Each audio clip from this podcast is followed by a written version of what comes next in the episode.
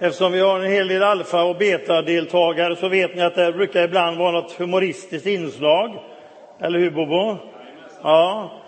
Eh, vet ni var Jona befann sig någonstans eh, när han inte var så förtjust i det uppdrag som han fick av Gud, utan han tänkte att jag ska ta mig en annan väg. Var var Jona någonstans? Det är en liten kuggfråga här som ni som kan inte får svara, men vad tror ni? Var hamnar han någonstans? Då får jag be Per-Axel tala om vilket land som han hamnar i. I Rumänien hamnar Jona. Varför det? Han var i Bukarest. Ja. Oh. ja, det är bra, Henrik. Tack, Henrik. Tack du.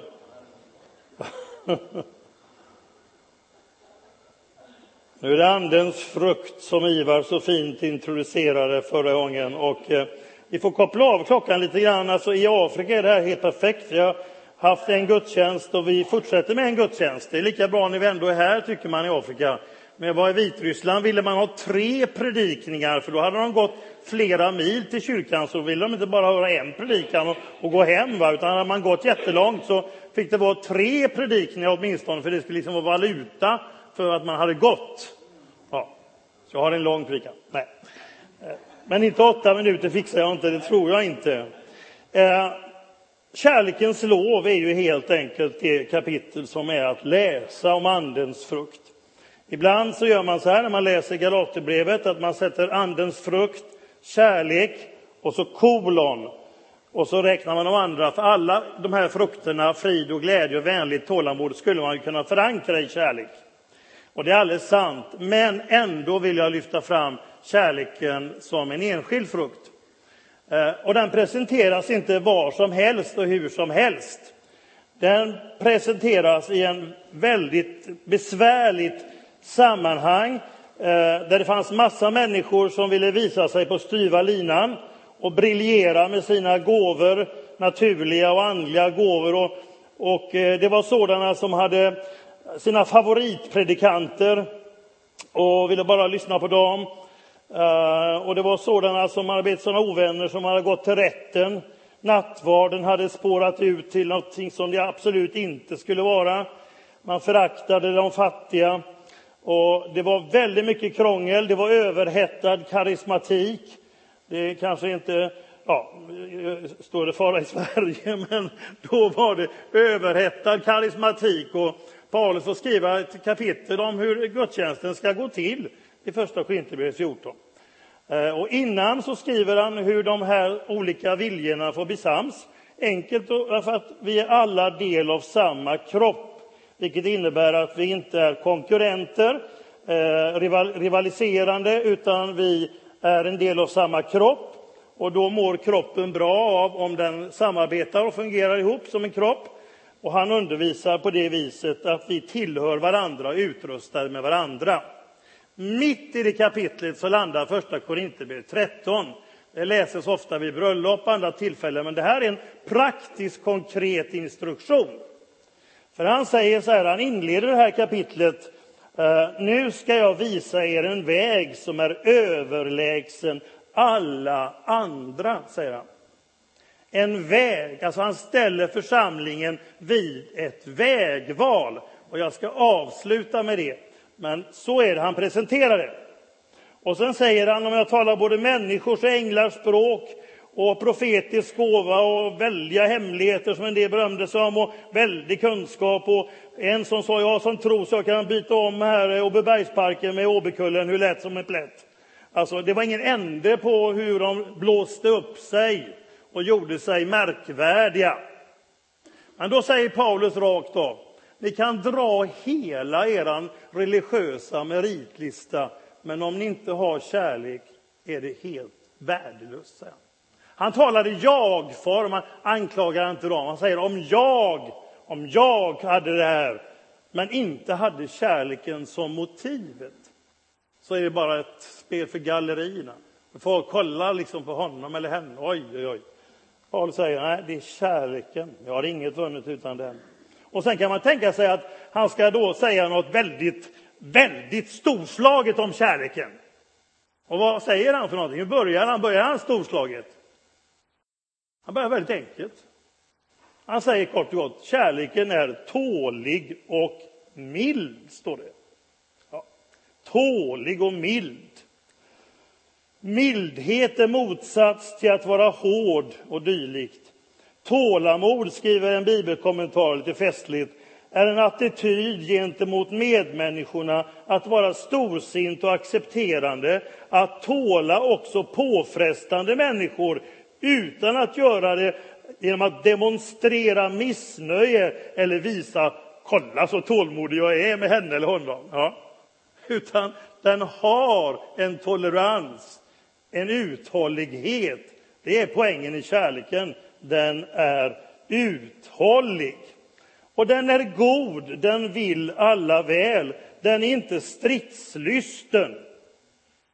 Alltså, den är inte direkt där och hugger vid första tillfälle, utan den söker försoning, förlåtelse.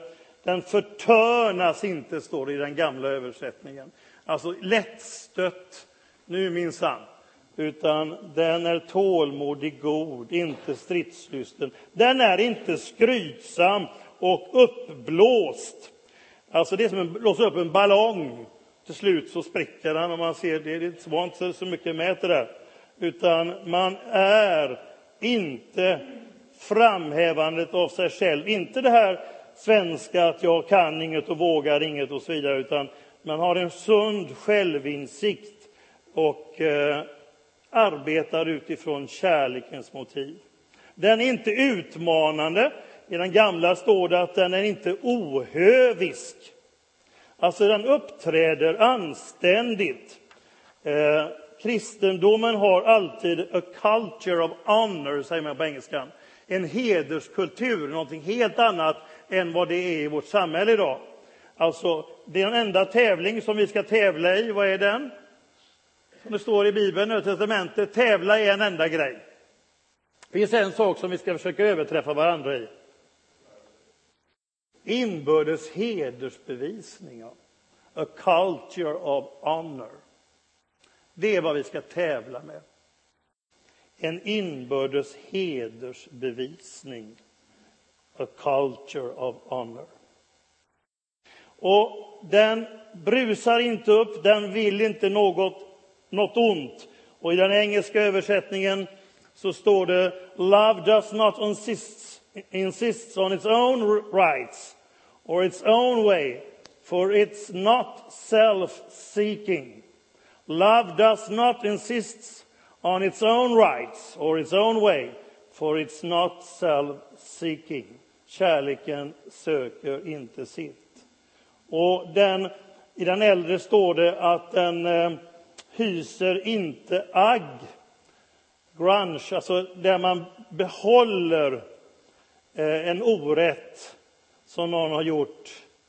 Eh, då, om man behåller den en längre tid, då har man bestämt sig för det. Jag kommer strax till det, till vägvalet. I den engelska översättningen står det faktiskt så fantastiskt kul, eller träffande. Eh, den är not easily angered.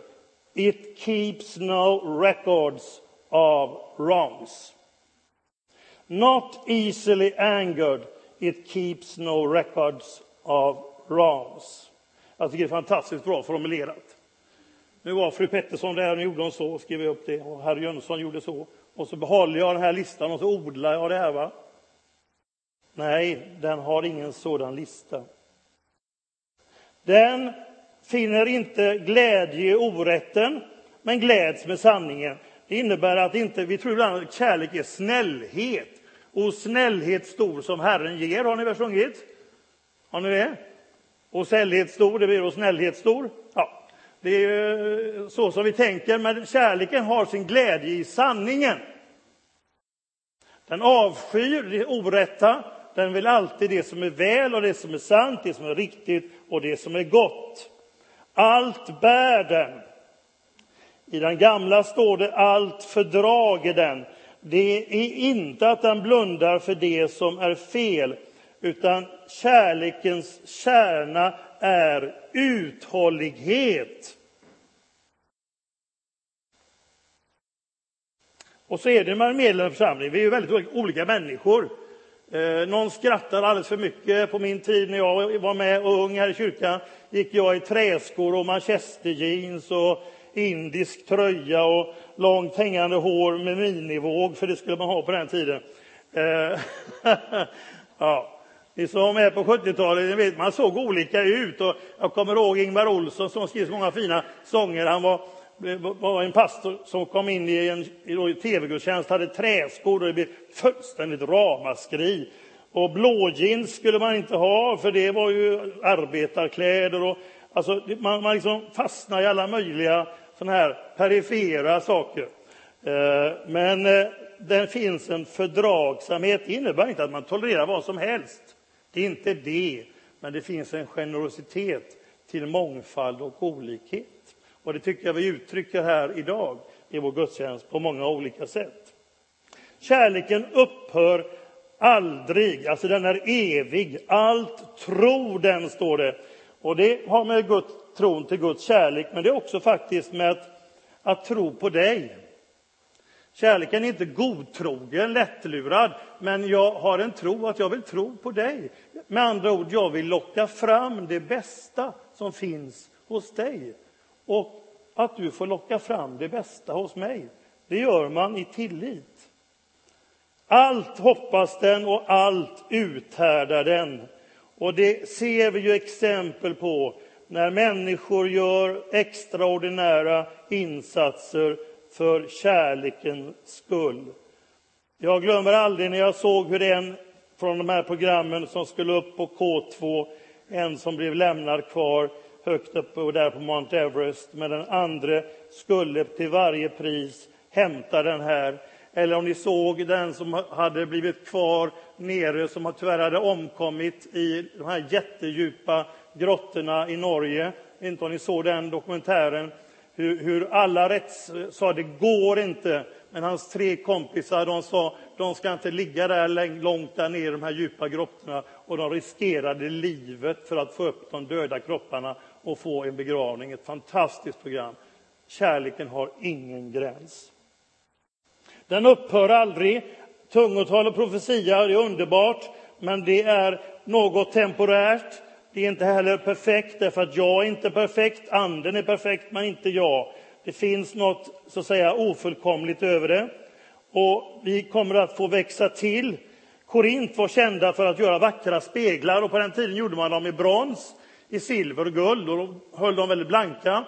Men de blev ju inte helt riktigt som, det, som jag såg ut. Om du ställer dig framför en bronsspegel så blir det inte riktigt, riktigt så som jag ser ut. Och så är det med våra liv. Det blir inte riktigt, riktigt som vi har tänkt, Gud har tänkt, hundra förrän fullkomligheten kommer till oss, står det. Det står inte att vi ska bli det, utan vi ska bli till fullo kända så som han till fullo har oss känt. Det är fantastiskt, den här närheten, ansikte mot ansikte. Och så blir det bestående, tro, hopp och kärlek. Dessa tre, och störst av dem är kärleken. Och jag säger alltid så här till dem jag viger. Tro på Gud och tro på varandra. Hoppas på Gud och hoppas på varandra. Älska Gud och älska varandra, så ska fridens Gud vara med er. Och vägvalet då till sist. För här är det en väldigt viktig poäng. Eh, om jag nu tar mig gående till Bifrost och Jungfruplatsen, vilket jag skulle behöva göra lite oftare. Då går jag inte åt det hållet.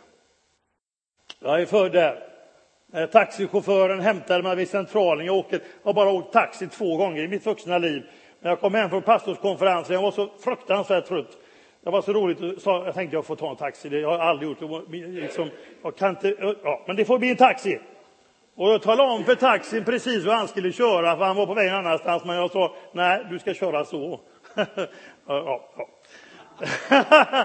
och då, då sa taxichauffören, jag förstår att du är född där. Ja, så jag. Det blir bäst den vägen. Jag har GPS, glöm den, så jag. Utan nu, nu, nu kör du så här. Ja, han är, han är som han är. Eh, Och då är det så här. När Sören Kierkegaard, den store danske filosofen och teologen, han säger så här, Jesus gav oss ett påbud, för Jesus säger så här, jag ger er ett nytt bud. Det var ju inte nytt, tycker man. Ni ska älska varandra Eh, och er nästa som er själv. Det fanns ju i GT. Vad är det nya? Jo, säger Jesus, ni ska älska varandra så som jag har älskat er. Och det, säger Sören Kierkegaard, det var ett påbud. Det var alltså inget option eller tillvalsämne eller om vi har lust. Utan det är ett påbud från Jesus. Ett vägval. Nej, går jag bort till Bifrost så vet jag att jag går vägen här, Rönnbergsgatan. och sen går jag upp Holtermanska där jag gick i lekis och sen går jag över kullen och sen går jag på genvägar som bara en Mölndalsbo vet. Ja, jag vet vägen. Jag bestämmer mig för den, jag beslutar mig för den och Paulus säger ni kan välja olika vägar. Har du blivit sårad så kan du välja bitterhetens väg. Men är du bitter ett helt år för vad någon har gjort emot dig, då har du valt det. Förlåt mig, kära syskon, men djupast sett har man det. Och det är inte roligt att leva ihop med en bitter människa. Särskilt inte om det är med mig själv. Eller hur? Därför är det så när människor som har blivit utsatta för brott så måste de få hjälp att förlåta förövaren. De glömmer inte. Men de kan inte leva längre med det hat som de har emot den personen. För det äter upp dem. Och därför måste de förlåta för sin egen livs skull, annars går det inte att leva. Och då säger C.S. Lewis, Cambridge-professorn, som var ateist och kom till tro, Cambridge-professor i renässanslitteratur. Han skriver avslutningsvis så här i sin bok Kan man vara kristen? och lyssna noga. Slösa inte bort tid med att fundera över huruvida ni älskar varandra eller inte. Handla som om ni gjorde det. Då hittar ni en av de stora hemligheterna. När du handlar som om du älskar någon kommer du snart att börja älska den här personen. Det motsatta gäller också. Om du sårar någon du tycker illa om kommer du att finna att du tycker ännu mer illa om personen i fråga. Om du istället handlar väl mot honom och henne kommer du att upptäcka att du tycker bättre och bättre om den personen. Jag har krångligt med herr Andersson eller fru Pettersson. Jag går dit med en tårta. Jag har lust att trycka den rätt i fejset. Men det gör jag inte, utan jag lämnar den. Jag är inte på det bästa humöret, men jag lämnar den. Och sen nästa vecka så går jag med tårta nummer två. Ja, känns inte så tokigt den gången. Den gången behöver jag inte trycka till. Nej, och så kommer jag nästa, tredje vecka med en tårta och säger, är ju inte klok, eller kommer ju tårta varenda vecka? Ja, jag känner att jag ska göra det. Vad tror ni händer? Amen. Herre, du vill hjälpa oss i vår bristfällighet, och ofullkomlighet, att välja kärlekens väg. Den är inte enkel alla gånger, men det finns inget alternativ. För alla andra alternativ gör oss illa, skadar oss själva och inte till välsignelse för någon. Jag tackar dig för att vi har fått vara med och hälsa så många nya medlemmar i vår gemenskap. Glädjen att människor döps, hittar vägen hit från olika länder och sammanhang. Och du drömmer och din plan för din församling är människor ur alla folk och stammar och språk som gemensamt prisar dig. Och jag tackar dig för gudstjänsten, den andra som har gått ut. Och redan har mässen strömmat in av människor som gråter och är berörda att du är en sån Gud som älskar oss förutsättningslöst. Och vi får komma hoppande och springande på vilket sätt som helst. Och du tar emot oss Precis som jag tog emot Johannes, Sandra och David och Jonathan när de hoppade från någon hög höjd in i min famn. De behövde inte tvivla, för de visste jag tar emot dem och jag kan hålla dem och jag är där. Sådan är du, Gud, ännu mer än vi någonsin kan vara.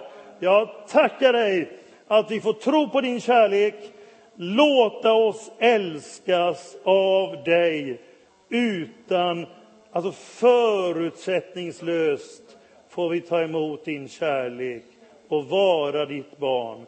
Jag tackar dig så. I Jesu namn. Amen.